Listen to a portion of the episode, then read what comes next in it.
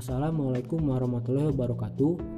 Selamat pagi, siang, sore, dan malam buat kalian semua yang lagi dengerin ini.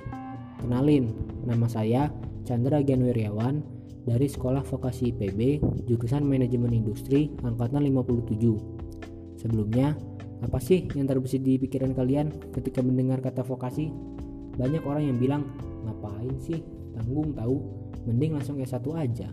Nah, sebenarnya teman-teman, pendidikan vokasi dan S1 adalah dua jenis pendidikan tinggi yang berbeda, di mana S1 merupakan sistem pendidikan yang mengarah pada penguasaan dan pengembangan disiplin ilmu pengetahuan, teknologi, dan seni tertentu. Sementara pendidikan vokasi adalah pendidikan yang mengacu kepada penguasaan keahlian terapan tertentu. Dengan demikian, pendidikan terapan yang kamu dapatkan, kamu akan lebih banyak praktik dibandingkan dengan teori.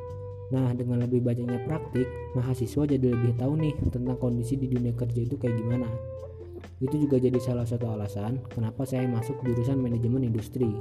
Di jurusan ini, saya dituntut untuk dapat merancang, merencanakan, dan mengendalikan lini proses produksi manufaktur, pengolahan, ataupun jasa, dan juga memahami prinsip-prinsip terkait dengan perancangan, perencanaan, dan pengendalian produksi, serta integrasi dengan fungsi-fungsi manajemen.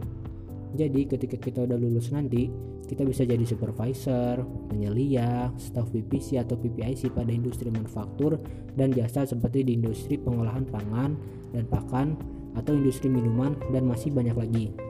Nah, gimana nih teman-teman? Udah pada tahu kan apa itu pendidikan vokasi dan jurusan MNI?